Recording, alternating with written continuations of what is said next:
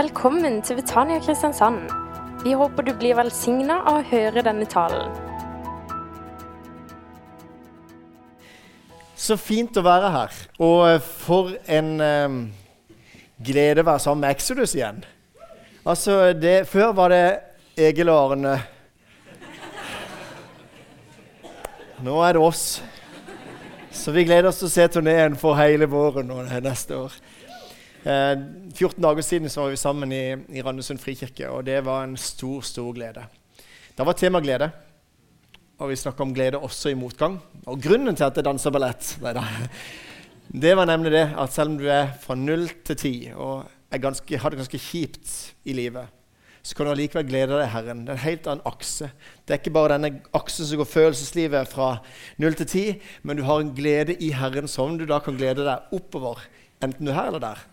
Og det var derfor jeg danset. Jeg skal ikke gjøre det igjen. Eh, vi hadde masse, vi hadde masse forbund etterpå, for det var sånne sterke inntrykk på netthinna som folk ønska å bli kvitt.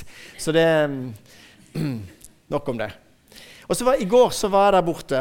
1300 mennesker i Q42 fordi det var ledere innenfor barn- og ungdomsarbeid som var kommet sammen, og kanskje noen av dere også var der, som har kommet sammen for å gi Jesus videre. Temaet for konferansen var 'Gi Jesus videre'. Og Drømmen og lengselen var det at vi kan få gitt videre det beste vi har.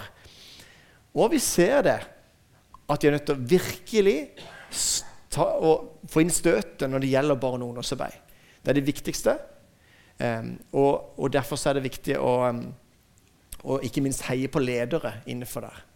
Så det var veldig fint. Så satt jeg borte i restauranten i går, og så plutselig så, så dukka det opp et kjent fjes. Hæ?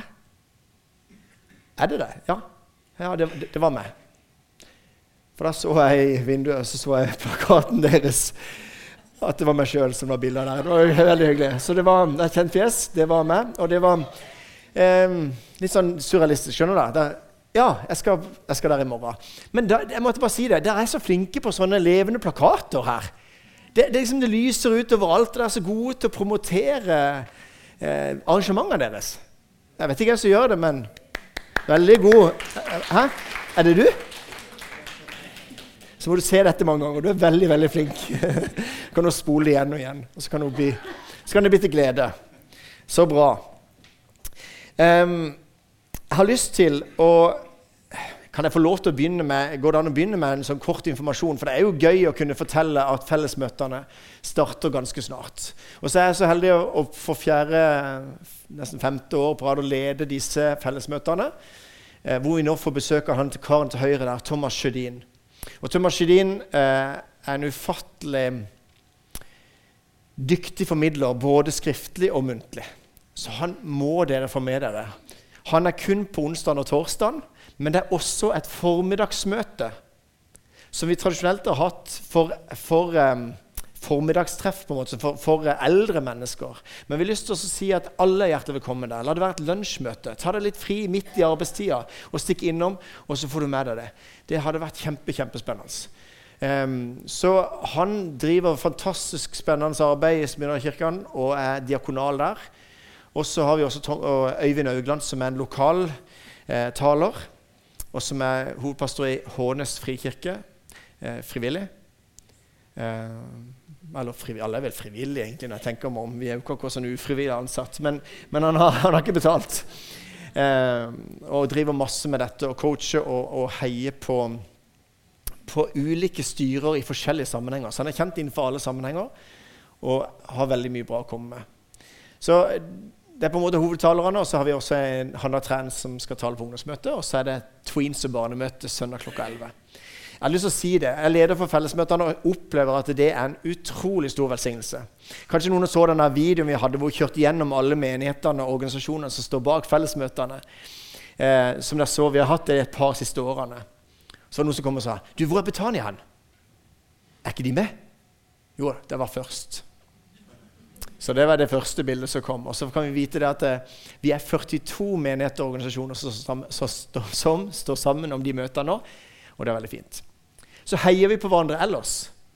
Og så er vi med på å se at vi når enda flere mennesker hvis vi er mange menigheter istedenfor å være én. Men vi trenger å komme sammen og se at vi er mange, og at vi har den At vi heier på hverandre som aldri før. Betania har betydd mye i mange år her i byen. Og det er en stor glede å se at det er en menighet som lever og er ja, ordentlig til stede i bybildet. Så det er gøy å stå sammen med dere om fellesmøtene. Så vi eh, ses den andre uka i januar. Så var det også litt informasjon om det, hvis det går greit. Jeg brenner for, eh, for det å vise at troa er fornuftig. Ehm, det å vise at eh, du trenger ikke legge vekk hodet for å tro. Og Noen av dere vet kanskje at jeg blir grilla som kristen, eller jeg har en podkast med en ateist, pastoren og psykologen, og har debatter med humanetikere. Ehm, jeg er opptatt av at vi skal kunne vise at vår tro henger sammen. At det er sannheten. Ikke bare sannheten for meg, men at jeg tror det er sannheten. Eh, men det er jo ikke lov til å si da. For hvis jeg sier at jeg har funnet sannheten, så sier jeg indirekte at andre tar feil hvis de tror noe annet. Og da blir på en måte jeg intolerant. Ikke sant? Og det er, en, det er en kostnad i samfunnet i dag hvor du ikke kan mene noe annerledes enn å si at alt er like sant. Og at eh, ok, det kan være sant for deg, men, men det er sant for meg. Nei, men Fins det ikke noe som er grunnleggende sant? Noe som er dette er sant. Det kan godt være at ikke vi har sett full av hele sannhet. Det er jo derfor vi har toleranse og ikke slår Bibelen i hodet på mennesker. Men vi må kunne si at noe er sant. Og jeg tror at Jesus er sannheten. Jeg tror at Jesus er, Jesus er veien, og jeg tror at Jesus er livet. Ja, Betyr det at jeg sier at andre tar feil? Ja, det betyr det. Jeg tror at noen mennesker tar feil. Hvis de tenker at de kan please Gud og komme til Gud på en annen måte enn gjennom Jesus Kristus. Men fordi vi ikke vet fullt og helt, så må vi ha respekt for hverandre og ha toleranse. Men toleranse i dag det er blitt at alt er like sant. Og det er kjempevrient. Når alt er like sant, og alt blir like gyldig, så får vi en likegyldighet. Ikke sant? Så det er litt viktig å få fram at vi er nødt til å kunne si at noe er sant. Så sannheten brenner jeg veldig for å, å, å vise det, og har brukt um, mye av min tid til å ja, være i samtale med mennesker som ikke tror. Og det liker jeg veldig, veldig godt. Så akkurat nå så har vi en uh, liten alfagruppe. Vi var en mannsgruppe som starta, med fem stykker som ikke er vant, vant med kristen sammenheng, og syv stykker som er kristne. Og så nesten sånn at jeg tvinger de litt inn og bare sier hallo, du må jo kunne finne ut om dette er noe å tro på, om det er troverdig. Om det er troverdig. Og så må vi bare bruke tid sammen. Så snakker vi sammen og deler livet, og så kan vi utfordre hverandre. Hvordan kan du tro det? Hvordan kan du tro det? Ikke sant? Og så snakker vi og deler liv. Kjempeviktig, og det er så gøy. Men vi mister litt frimodigheten av og til. Um, og Derfor blir det så viktig for meg også, også egentlig oppmuntrer kristne til å se at det dere tror på, det er troverdig.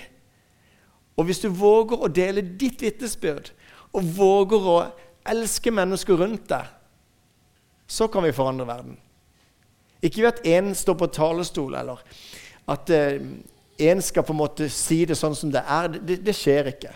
Men det skjer ved at vi som kristne våger å dele vitnesbyrdet vårt. Og da mener jeg ikke at det handler om at da du ble frelst, og at hvis det på en måte skjedde en veldig forandring i livet ditt Da tenker jeg på deg som har vært kristen hele livet. For hvis du får spørsmålet 'Hvorfor er du kristen?' så svarer du kanskje 'Jo, jeg vokste opp i et kristent hjem'. Det var kanskje grunnen til at du ble introdusert til kristen tro. Men det er ikke grunnen til at du er kristen i dag. Og Da må du si grunnen til at du er kristen i dag. Våg å dele det. Men vi må øve på det. For det også, eh, Hvis du får spørsmålet 'Hvorfor er du kristen?' Eh, blæ. Altså, det er jo så vanskelig å få sagt det. Altså, nei, ja, Så vi må, vi må på en måte øve oss litt på det og se at det er vitnesbyrdet vårt. At Det trenger ikke være én sterk hendelse. Jo, det kan være en del av det. Når Jesus møtte deg på en spesiell måte. Men det er også det at du erfarer at det gir et håp. Det er også det at du er tilgitt, Det er også det at det henger sammen fornuftig. Det er også det fellesskapet som vi er en del av. At vi er søsken over hele verden. Det er mange grunner. Jeg kunne hatt en undervisning på det. Jeg har 17, mine 17 grunner til at jeg er kristen. Jeg skal ikke ta den undervisninga i kveld. Men jeg brenner for å gi dere grunner til at dere er kristne, sånn at dere våger å dele det der dere er. For da skjer det ting. Da skjer det ting. Så sannheten er kjempeviktig å få fram. Men vi kan ikke argumentere mennesker inn i Guds rike. Det går ikke.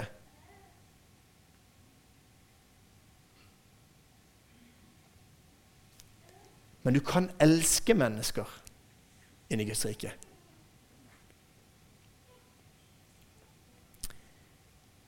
Men det er så brutalt, det er så viktig. Det er ikke bare sånn at um, at sannheten er en bit som Ja, ja, fint for deg hvis det er sant for deg. Men hvis ikke Jesus er stått opp ifra de døde, så er vår tro ingenting. Vi er de latterligste alle mennesker. Og dette er ikke mine ord. Dette er Pauli ord. Dette er Paulus som sier. Dette er Paulus som formidler at er ikke Kristus oppstått, så er vår tro ingenting. Men nå er Kristus oppstått. Han lever. Og når han skriver det, så skriver han at mer enn 500 brødre så han på en gang. Og så skriver han også at mange, av dem lever mange av de enda 20-30 år etterpå. ikke sant? Så jeg bare snakker med dem. Det er bare finne dem på Facebook. Nei, kanskje ikke på Facebook, men du kan finne dem. Du kan snakke med det Ismael og Kåre. Og, nei, kanskje ikke Kåre, men du har en gjeng i hvert fall oppe i Israel som har møtt 500 stykk. Så han på en gang. Snakk med dem. De så han. Det er troverdig. Han er oppstått. Så sannheten er veldig, veldig viktig. Og Du kan gjerne tenke at disse disiplene som satt bak stengte dører, elleve mann i lag, og følte seg så innmari alene Ikke sant? De var livredde. Skal vi bare finne på dette her? Skal vi bare si at vi har møtt den oppstandende Jesus?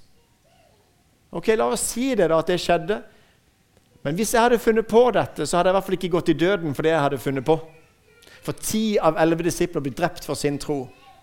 Og Det eneste som forandret dem, det var møtet med den oppstandende Jesus Kristus. Det gjorde at de ikke satt livredde lenger. De var frimodige og gikk ut og fortalte. De hadde et møte med den oppstandende Jesus. Jakob, broren til Jesus, hadde et møte med den oppstandende Jesus og tilber sin egen bror som Gud. Det er troverdig. Det er ikke blind tro. Jeg kan ikke vite helt sikkert, men jeg går ikke om bord på flyet med en sånn usikkerhet på at det skal holde. Jeg vet at det holder, selv om jeg kan ikke vite det 100% sikkert. Men det er ikke en blind tro å gå bord på flyet. Det er fornuftig. Um, på samme måte så er det ikke blind tro å tro på Gud i dag. Mange ting jeg kunne sagt om dette. Men jeg har bare lyst til at vi skal våkne og ikke se ned når folk spør om hvorfor vi er kristne, men reise oss opp eller løfte hodet. Se opp til Han og stråle av glede, og deres ansikt rødmet aldri av skam, står det i Salme 34. Vi skal få lov til å kjenne på en frimodighet. Men ikke tenk på at du må dele, for da lar du være. Hvis du kan la være, så la være. Men bruk heller tid sammen med Jesus, for når du er sammen med han og ser hva han har gjort for deg, så, så kan du ikke la være å tale om det du har sett og hørt. Så hvis du kan la være, la være. Da fokuserer du heller på at du kan bruke tid sammen med Jesus for å se om det er noe å dele videre. Når du er sammen og erfarer at dette er noe som gir deg Jeg er lykkelig med Jesus, sang der.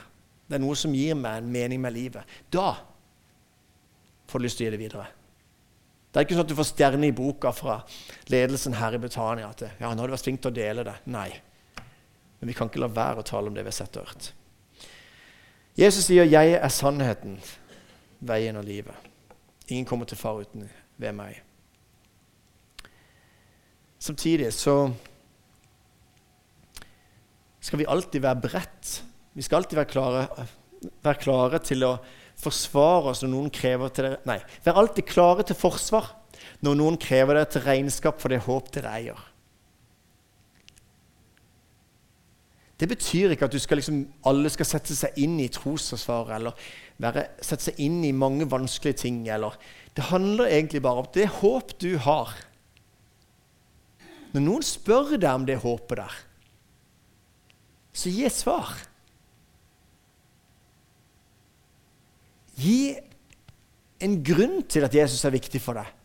Øv på det, så at du har et svar, så at du har muligheten til å fortelle hvorfor det er viktig. Så at det ikke bare er kjærlighet og smile til mennesker, men det er salt og kraft når vi deler hva Jesus har gjort for oss. Vi skal gjøre det ydmykt og med gudsfrykt. Vi skal ha respekt for andre mennesker som har en annen tro. Og Det er eneste kriteriet vi har når vi er på alfakurs. Mange forskjellige tro. Lytte til hverandre med respekt, men våg å utfordre hverandre litt. Hvorfor mener du det du mener? Ja, Det er greit nok det er vanskelig å forsvare alt i kristentro, men det er like vanskelig å forsvare ditt ståsted når du er artist.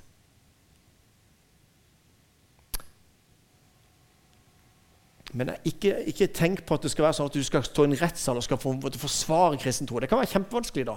Jeg merker det på kroppen min som leder av fellesmøtene. Jeg eh, har grenet mye over det. Spesielt når, for, når, mennesker mener at jeg dømmer andre mennesker. Det syns jeg har vært veldig veldig tøft. Det var tøft for menigheten min også, det var tøft for familien min. Men jeg er villig til å stå opp for Jesus. Men jeg vil gjøre det med en respekt for andre mennesker. Det er så dumt når andre setter meg i en bås som ikke føler, hjemme, føler meg hjemme i. Så den respekten er kjempeviktig.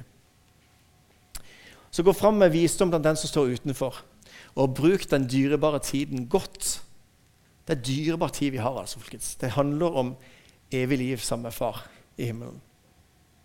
Men la alt dere sier være vennlig, og la det ha salt og kraft, så dere vet hvordan dere skal svare hver enkelt.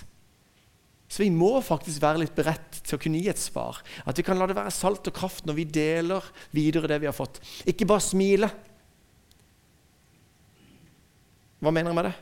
Jo, hvis vi på en måte smiler og er gode, gode mot mennesker rundt oss, så merker de da ikke sant? Jeg har sikkert hørt det før. At du smilt på arbeidsplassen i 25 år og vært god på arbeidsplassen, og så endelig får du den kommentaren du har lengta etter så lenge. Det er noe spesielt med det. Er du vegetarianer? Ikke sant? For, for, Hvordan kan jeg vite hva, hvorfor det er noe spesielt med det? Du må jo få lov til å fortelle hva det er som gjør at du smiler. Så la det være salt og kraft sammen med kjærligheten. Ikke, ikke la det være atskilt. Det er noen, eh, noen, kristne organisasjoner som har overfokusert på godhet og, og det å smile til mennesker, og glemmer evangeliet. Og så er det noen som kjører bare på evangeliet, og så glemmer de å smile litt innimellom. For det blir så veldig tydelig at vi skal være veldig tydelige på hva vi står på. Og så mister vi kjærligheten inn i det. Ikke sant? Sannheten, tro i kjærlighet hadde jeg lyst til å snakke med dere om i dag. Det er målet for mitt liv. Jeg ønsker å leve etter det. Jeg ønsker å leve etter sannheten. At jeg skal være tro i kjærlighet. Og det er på engelsk, I en engelsk oversettelse står det 'speaking the truth in love'. At du snakker, sier sannheten med kjærlighetsspråk. på en måte. Altså du, ja, det, det er ikke noe som skilles ifra hverandre. Efeserne 4,15. Men vi skal være tro mot sannheten i kjærlighet. Og i ett og alt vokse opp til ham som er hodet, Kristus. Det er det som er målet mitt. Jeg ønsker å vokse opp til Han som er hodet, Jesus Kristus. Gir det mening? Um, så jeg tenker at um, Jeg har lyst til å utfordre mennesker til å, å følge Jesus. Og jeg sa det i stad at jeg er ikke så redd for å spørre om folk vil være med på et alfakurs. For jeg tenker at det, når tross alt et par milliarder mennesker har blitt berørt av denne personen, så tenker jeg hva er det som gjør det så spesiell at du skal tenke at du ikke blir berørt av den, tenker jeg.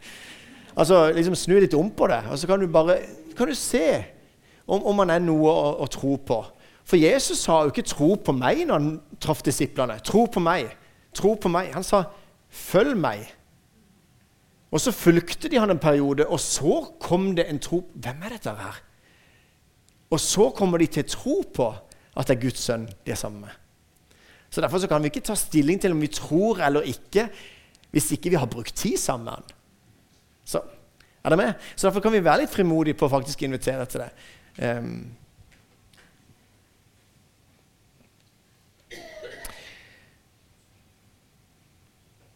jeg bare trekke inn en liten ting her. for det, Det var så gøy å lese dagens bibelord. Jeg vet ikke om noen har bibelappen på telefonen. Um, jeg har den sånn at Når jeg går inn på telefonen min, så ligger den som sånn øverst på, på telefonen. Uh, dagens bibelord var fra 1. Johannes 3, 16. Og ikke Johannes 3, 16. Johannes 3,16 vet vi er veldig bra. Men husk at det er mange bra 3,16 i Bibelen. Nå leste vi i stad fra apologetens, trosforsvarerens 316. Vær alltid beredt til forsvar for det når noen krever dette regnskapet det håp som bor i dere. Um, Johannes 3,16 er bra. 1. Johannes 3,16 der står det Hva kjærlighet er, har vi lært av at Jesus ga sitt liv for oss. Så skylder også vi å gi vårt liv for våre søsken. Jesus er et fantastisk forbilde. Og Nå har jeg lyst til at vi skal snakke litt om kjærlighet. Ok, Jeg må advare dere. Nå kommer det eh, sterke scener. Ikke sånn eh, type sånn dans, men, men, det er ganske brutalt og utfordrende budskap. Så hvis du ikke har lyst til å bli utfordra, så, så, lukker du øynene. Um, og ikke hør etter, egentlig. Bare Nå kommer det. Er dere klar? Matteus kapittel 5 og vers 44 til 48. Elsk deres fiender. Velsign dem som forbanner dere. Gjør godt mot dem som hater dere, og be for dem som mishandler dere og forfølger dere. Slik kan dere være barn av deres far i himmelen. For han lar sin sol gå opp over onde og gode, og lar det regne over rettferdige og urettferdige. Om dere elsker dem som elsker dere, er det noe å lønne dere for? Gjør ikke tollerne det samme? Om dere hilser vennlig på deres egne, er det noe storart, da? Gjør ikke hedningene det samme? Vær da fullkomne, slik deres himmelske Far er fullkommen. Det er brutalt. Fantastisk budskap. Den type kjærlighet som gjør at når det står der om dere elsker den som elsker dere, det er noe lønne dere for. Altså Husk at tollerne, på en måte landssvikere, som på en måte allierte seg litt med romerne, var på en måte ansatt av romerne, okkupasjonsmakta, og krevde inn taks, eller skatt fra sitt eget folk. Ikke godt likt. Sjøl så hadde de en kjærlighet innad til hverandre. Tollerne hilste på hverandre, de hadde det fint sammen. Hva spesielt er det? Hva spesielt er det hvis vi kristne har en kjærlighet innad til hverandre? Jo, det er fantastisk. Når de første, eller Vitnesbyrdet om de første kristne var 'se hvor de elsker hverandre'. Fantastisk! Men det vil du finne mange eksempler på Enten det er i tennisklubben, eller det er i broderiforeningen, eller Ja, men Det er kor som, som har det kjempeflott, selv om ikke de har det kristne fellesskapet sammen. Se hvor de elsker hverandre. Så Sånn sett er ikke det noe spesielt. Så skal jeg ha et lite ekskurs i kjærlighetsbegrepet eros og agape. Er dere klar? Altså Det med eroskjærlighet det, jo, det utleder også ordet erotikk, altså den tiltrekningskjærligheten. Dette som at du elsker de som mener det samme som deg. At du elsker de som tilfredsstiller dine behov, eller de du liker utseendet på, eller de som du treffer ofte. De som er fint å være sammen med, de som føler prestisje å være sammen med. Dette er litt utfordrende. For hvis du gir en en bursdagsgave, er det noe spesielt? For du vet at du vil få tilbake en bursdagsgave når du har bursdag. Ok, Det går ikke helt opp til det der med hvis du er besteforelder, og sånne ting, så får du kanskje ikke like mye tilbake. Jeg ser den. Men, men, men er det med? Altså, Å gi en gave og så liksom tenke ja, nå, nå, nå på en måte får jeg en tilbake igjen seinere, det er jo ikke noe spesiell kjærlighet. det. Og det er den helt vanlige kjærligheten, den kjærligheten som vi finner mange steder i verden. Det er ikke den kjærligheten Gud snakker om når han snakker om å elske sine fiender. Så eroskjærligheten har sine klare begrensninger. Den duger ikke overfor de som er uenige med oss. Ikke tilfredsstiller våre behov eller har utseendemesse. Eller. De har ikke noen sjanse til å bli elska. Men så snakker Bibelen om en agapekjærlighet. En betingelsesløs kjærlighet. En kjærlighet som er mye mer handling enn følelse. Og retter seg mot de uverdige. Og så er det en kjærlighet som er villig til å ofre seg sjøl. Tilbake litt til Matteus, som jeg advarte dere mot å lese. Som handler om en kjærlighet som er en, at du skal elske din fiende. Da begynner vi å elske med den kjærligheten som Gud har elska oss med. Ikke at vi er fiendene, men fordi vi ikke har gått imot Gud, fordi vi ikke er direkte elskverdige. Så Gud elsker oss med en sånn kjærlighet ved at Kristus døde for oss mens vi ennå var syndere. Og den kjærligheten som vi er blitt elska, som ikke vi har fortjent, som bare har blitt gitt oss av nåde, den kjærligheten skal vi gi videre. For da kan vi være barn av vår Far i himmelen. Ikke for å bli det, men fordi da kan vi vise hvem han er. Vi er jo frelst av bare nåde, så det er jo ikke sånn at vi skal gjøre dette for å fortjene Guds nåde. Men fordi han har elska oss, så skylder vi å elske hverandre. Og ikke bare de som mener det samme som oss, men også de som er dypt uenige. Og der der tror jeg nøkkelen ligger i kjærligheten. Med at vi skal faktisk begynne å elske de som har helt annerledes meninger enn det.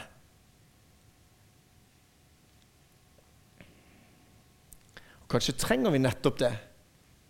Spesielt når jeg står for et konservativt syn i f.eks. i møte med homofilt samlevende. Så er det kjempeviktig at jeg viser respekt og kjærlighet, ikke minst for de som har opplevd det tøft å være i kristen sammenheng som homofile, med homofile følelser. Er det noen som trenger å bli elska i dag, så er det de. Så er det det. Så er det det at vi trenger å vise dette kjærlighet sammen. Og så er det en respekt for at man kan stå for noe, men det er noe helt annet. At man kan stå for et syn, men man kan elske mennesker for det. Det er en handling mer enn følelse. Retter seg mot det uverdige. Villig til å ofre seg sjøl. Jesus skriver i Johannes 13 så skriver han det at et nytt bud gir jeg dere. Dere skal elske hverandre. Så tenker jeg bare eh, Det var vel ikke så veldig nytt, var det det? Det står jo helt i begynnelsen i Bibelen ikke sant? at du skal elske Herren i Gud av hele ditt hjerte, hele din sjel og all din forstand. Og du skal elske neste som deg selv. ikke sant? Så det er verdt der. Det dobbelte kjærlighetsbudet har vært der hele veien. Du skal elske de neste som deg selv. Men hva er forskjellen nå, da? Du skal elske de neste som deg selv. Så det er blitt et nytt bud her. Dere skal elske hverandre. Ikke som deg selv. Jo, det er en bra måte å lære å elske, men nå er det enda større enn det. For det vil jeg nesten si er sånn eroskjærlighet. At du skal elske de neste som deg selv. Nå er det helt mer radikalt, det Jesus kommer med. Et nytt bud gir dere. Som jeg har elsket dere, skal dere elske hverandre. Og Det er radikalt. For da må vi begynne å se på den kjærligheten Jesus har elsket oss med. Han som tilgir de som spotter han når han henger på korset. Han som dør og gir sitt liv for sine venner. Som dør for syndere, som dør for de som ikke ønsker å ha noe med han å gjøre engang.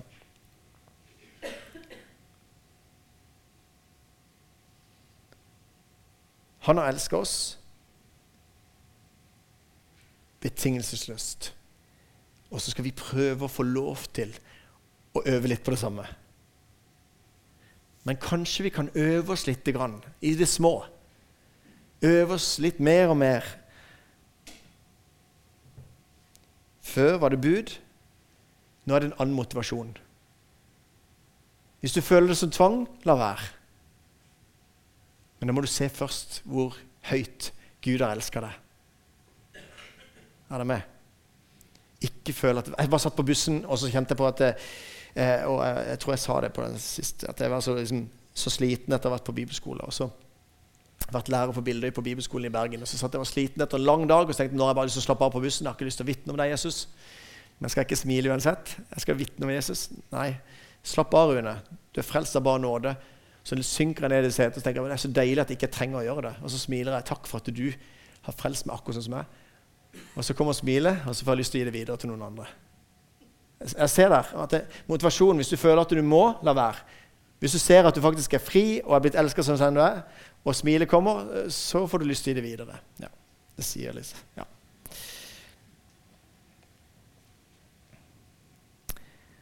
Og så har jeg lyst til å utfordre oss litt videre. Ja, det var litt rart bilde der. Ja. Um, jeg hadde bare lyst til å lurte på om det hengte sammen, det, det, vi sier og det vi gjør. Om det er sammenheng mellom det vi sier her inne, og det livet vi lever. Er det sammenheng mellom liv og lære? Jeg må si det at Betania har vært sånn en foregangsmenighet synes jeg, på dette som handler om, om godhet og gode gjerninger. B-City og, og dette, dette har vært en sånn en eh, Thomas som, som eh, hadde vafler på en måte og sanka inn ungdommer som var her. Kjempegøy å høre om. Um, Jeg starta Frimat for eh, syv-åtte år siden i Kristiansand frikirke. Da var jeg hovedpastor i Kristiansand. Og så um, sa jeg kanskje ikke Men vi planta en menighet for fem år siden. Det heter Østsida frikirke. Og um, nå er vi på Fagerholt skole, kommunal skole, så er vi litt på Gimletun. Og så hadde vi gudstjeneste før i dag og har en 190 i snitt på gudstjenestene. Vekst, og vi gleder oss veldig. Men vi får lov til å være en relevant menighet i nabolaget, og mennesker kommer med, med barn. Så nå har vi hatt dåp fem søndager på rad. Da er vi heldige. Så vi er takknemlige. Men uh, nå fikk jeg tatt inn det at jeg, hvor jeg er hen. Men da vi var der borte, så starta jeg Frimat. Og det som handla om det, var den alle maten som blir kasta. Denne overskuddsmaten som vi da samler fra butikker, pakker i Frikirka. Og nå er det 80-90 stykker som kommer og henter matpose. Og så har vi nå en åtte utdelinger. Så vi har også i Østsida hvor vi kjører hjem med sånn en ikke Adams matkasse, men en frimatskasse. Og, og, gir til de som har litt ekstra økonomisk utfordring. Gjerne de som nylig er blitt skilt, eller de som er alenemødre. Eller være med på å heie på det. De som, altså jeg har lyst til å ekstra heie på de som har dobbel tidsklemme. Eh, alenemødre, alenefedre. Eh, vise at vi som kirke bryr oss når livet er utfordrende og har, gått, har skjært seg på en eller annen måte. Og så Så er det på en måte sånn eh, Ja, nå kom alt plutselig. Eh, det som er interessant, det, sånn, dette, dette, fanger Fedrelandsvennene opp. De er ikke så interessert i å høre når jeg snakker om sannheten. av en eller annen grunn. Jeg vet ikke. De var ikke og dekte fellesmøtene i år. Så det er litt rart når det er 7500 mennesker til stede på møtene. Men det er mer kanskje naturlig å dekke en konsert som var stappfull med alle 70 plassene opptatt. Jeg vet ikke, Som handler om noe helt annet. Men, men det kan ikke vi irritere oss over. Vi må bare fortsette å gjøre det gode. Men, men godheten, den, den hører folk om. Og det er godlukt som sprer seg. Og jeg syns det er bare så imponerende med Frelsesarmeen. De kan mene hva de vil. For det er troverdighet. De har, det er forbildene for oss. Frelsesarmeen har gått foran i mange år og er et forbilde for meg. Men vi kan ikke outsource det som handler om godhet, til Blå Kors og Frelsesarmeen. Vi er nødt til å ta ansvar som menigheter sjøl, så det er samsvar mellom det vi sier, og det vi gjør. Så derfor, derfor dette med å elske Hvordan kan vi vise det i praktisk handling? Ja, men vi har ikke noe kapasitet til dette nå. Det, men Det er ikke det det handler om. Det handler om at vi som enkeltmennesker elsker mennesker der vi er. Og det er nesten sånn at jeg har lyst til å, å utfordre deg til å spekulere i det. altså. Det er nesten sånn at det, det, så, det funker så lett. Skal jeg si et helt konkret, eh, konkret tips. Kjøp en blomst. Gi den til en nabo, og så se hva som skjer. Se hva som skjer. Ja det, det, kommer til å skje noe i relasjonen mellom dere to. Jeg hadde bare lyst til å gi deg en blomst. Bæ. Hva, hva, er det som skjer? Fortjener jeg det? Nei, du, jo, jo, egentlig sier du det. Det var ikke det, men, men det var ikke derfor du fikk den. Jeg hadde bare lyst til å gi deg en blomst. Prøv å betale for noen, eller prøv å gjøre noe som kommer helt ut av det blå, og som ikke folk fortjener og forventer. Da merker du litt av den gudskjærligheten som er betingelsesløse, ikke fortjente, og, vi, og vi, vi, vi, lever etter det som Jesus utfordrer oss til å leve. Så det, Vi trenger ikke å lage noe, men samtidig så er det litt artig med sånne små ting, for det skal veldig lite til. Og så Om en av dere gjør det, så er det som at Betania gjør det. Om Betania gjør det, så er det, er det som at alle vi kristne i byen gjør det. Ikke sant? Så, derfor så trenger vi heie på hverandre som menigheter. Og nå, nå tenkte jeg at jeg, jeg håper jeg ikke opplever at jeg måte trekker dette fram for å skryte og se hva jeg har gjort. Men at jeg ser at dette er et konkret eksempel som gjør at vi faktisk da har fått lov til å få en sånn godlukt i nabolaget vårt fordi vi har dekkoperasjoner, gratis mat. Dekk, det er ikke hemmelig operasjon, det er bare dekkskift. Um, og så gjør vi det. Dette var fra 2017 som vi gjorde det med et sånt bilde med markedsføring på hele. Så er det gøy når karer gjør det. Eller at vi maler hus. Og en liten sånn gøy ting med det også, at det huset vi malte her, det endte med at vi at jeg via de som vi malte huset til. Og det er litt gøy.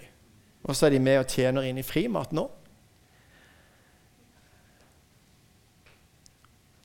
Det syns jeg er fint. Så er det fint også en veldig fin måte med Frimat å få inn våre nye landsmenn i menigheten. Det syns jeg er veldig fint. Vi trenger også fargerikt fellesskap på den måten. Men jeg skal ikke tale lenger. Jeg har talt lenge nok. Jeg har så mye på hjertet. Men det, det, som er grunnen til dette og Nå hadde jeg ikke det bibelverset. Beklager det. Dette skal være veldig tydelig bibelvers. Så skal jeg høre, høre nøye etter nå. Slik skal dere la deres lys skinne for menneskene, så de kan se de gode gjerninger dere gjør, og prise deres far i himmelen. De skal ikke se de gode gjerningene deres, dere gjør i Østsida frikirke og bli sånn Å ja, så skal de vise hva de kan. Eller sånn har ikke vi det. Nei, de skal se de gode gjerningene de gjør, og prise deres far i himmelen. Det skal være noe som faktisk viser at, at vi gjør det fordi at vi er blitt elska. Så har jeg lyst til å elske min neste. Let your love shine. Ikke sant? Exodus sang i stad. Fantastisk flott. Gjennom meg. Det. Åh. Smile. I smile, var jeg vi har Jo, jeg kan jo hele repertoaret deres, så det er bare Bare be meg synge på en solo neste gang. Nei, det var tull. Jeg har lyst til å avslutte med en utfordring. Um, og da, da, har jeg ja, 200 kroner i lommeboka mi. Det er mine penger. Og de har lyst til å gi til en av dere. Ok? Eh, jeg har et lite forbehold med det. Men jeg har lyst til å fortelle det, og så har jeg lyst til å spørre om noen har lyst til å ta det imot. 200 kroner, hva får du for det i dag? Det er jo en godtepose. Det er jo ingenting. Men eh, jeg er pastor. Jeg ikke liksom, kan ikke gi ut 1000 kroner heller. Liksom. Men, men, jeg har lyst til å gi et par hundre kroner. Eh, og det jeg har lyst til å være med på et eksperiment her, det er at jeg har lyst til å gi dem, så at når du får dem, um, så er dette dine. Så du kan ikke si at du fikk dem fra meg, for det er dine penger. Men jeg har lyst til å gi, be deg å gi dem videre. Pay it forward, på en måte. Ok? Det betyr at dette er dine, men du gir. Kjøp deg passer til en blomst. Be til Gud om hvem du skal gi de blomstene til. Så er det veldig veldig spennende. Fordi at når du spiller på lag med Den hellige ånd og Gud, så kan det godt være at han viser deg et menneske som du skal være med og gjøre godhet mot. Og Det kan godt være det mennesket har bedt til Gud i det siste, at Gud, gi meg et tegn. Det kan godt være det mennesket der har det vanskelig akkurat nå. Eller trenger at noen er med og ser det. Bare tenk hvor mange mennesker som sitter og er ensomme.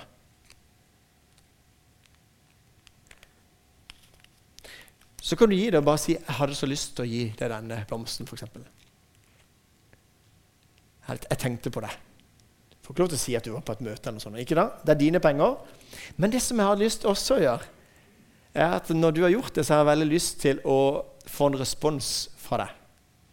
Så du sender meg en melding på Facebook, eller at du skriver et telegram eller et eller annet, kommer i kontakt med meg, og så skriver du bare at du, jeg ga sånn og sånn, og så forteller hun litt av reaksjonen. For jeg har så lyst til å høre om den reaksjonen, eventuelt ansiktsuttrykket. Jeg har så lyst til å høre om det, for det gjør meg glad. Ok? Er det noen som har lyst på utfordringer? Det var førstemann opp der. Da kan du komme fram. Har du lyst til det? Det var så spontant. Rett opp. Og, men jeg håper dette kan være en utfordring til dere alle. Og kanskje dere kan tenke hvem er det du har lyst til å gjøre dette nå? Så kanskje du tenker på et navn, og så kan du være med og gi det. Ok? Kanskje 200 kroner. Prøv det i ei uke. Og hvis dere har lyst, så sender jeg gjerne respons til meg alle sammen. for det har vært veldig, veldig gøy. Eller del det på et vitnemøte neste gang med Exodus. og sånt, Så gjør vi det sammen. Nei da. Men eh, ok. Jeg vil gjerne tidoble det til naboen min sjøl. Det får jeg lov. Det kan jeg gjøre som jeg vil. Hun er blitt alene, og hun, han har gått ifra henne, og hun har fire små unger. Så fantastisk. Du, du kan tidoble òg. Det er helt fantastisk. Det er, helt, det er ikke noe problem. Men jeg har lyst til å si den ting. Da har jeg lyst til å utfordre deg. For nå gir jeg disse til deg. Så hvis du kommer opp her eh, og så, Dette her må jeg gjøre så enkelt og banalt, sånn at jeg husker det. Um, ok, Nå får du de av meg. Det er som at Gud har gitt deg en gave, og så gir du den videre. Og når du gir videre, så på en måte så blir du glad over at du får pengene. Og så blir du, når du gir det videre, så blir den personen som du gir det til, glad.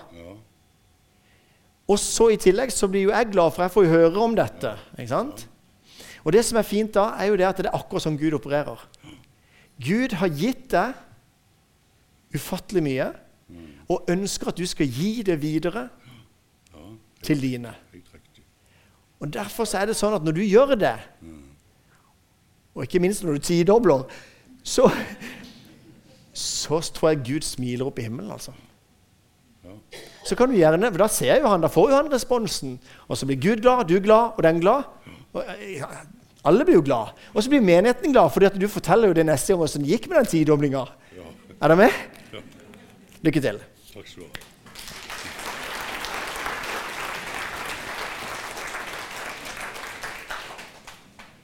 Skal avslutte med å, å be litt. Og så har jeg lyst til at det skal være litt stille i den bønnen. Og så har jeg lyst til at det skal være sånn at det, Ja, vi ber sammen.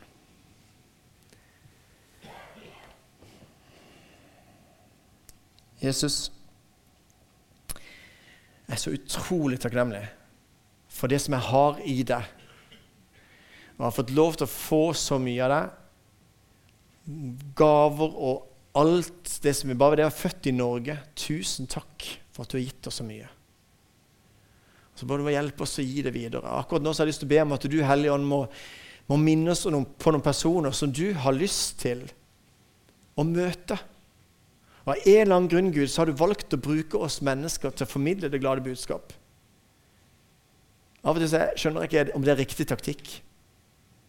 Men du har valgt å gjøre det, og du har valgt å teame opp med oss. Så takker jeg for at vi får lov til å stå i den tjenesten, at vi kan gi det videre, din kjærlighet. Og jeg ber nå, Jesus, om at du må minne oss på noen personer som vi skal gå til. Overraske med din kjærlighet, Gud.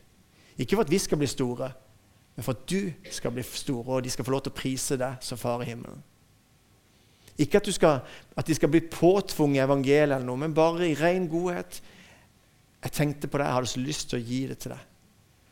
Jeg ber om at du, Herre, skal gi oss noen personer og hjelpe oss til å gå i lydighet. Hjelpe oss til å gi litt. Kanskje gi litt så det svir. La det få lov til å merkes at vi bryr oss om andre mennesker.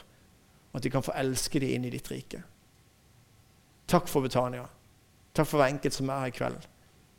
La det være sånn at det, at det er en god lukt inn i byene her, inn i nabolagene der vi bor. La det få lov til å merkes at det er Kristi velduft. Takk for at du er her, Jesus. Takk for at du har frelst oss, og takk for at du lengter etter å se mennesker komme til tro på det. Amen. Du har nå hørt en tale fra Betania Kristiansand. For mer informasjon kan du besøke våre hjemmesider på betaniakrs.no.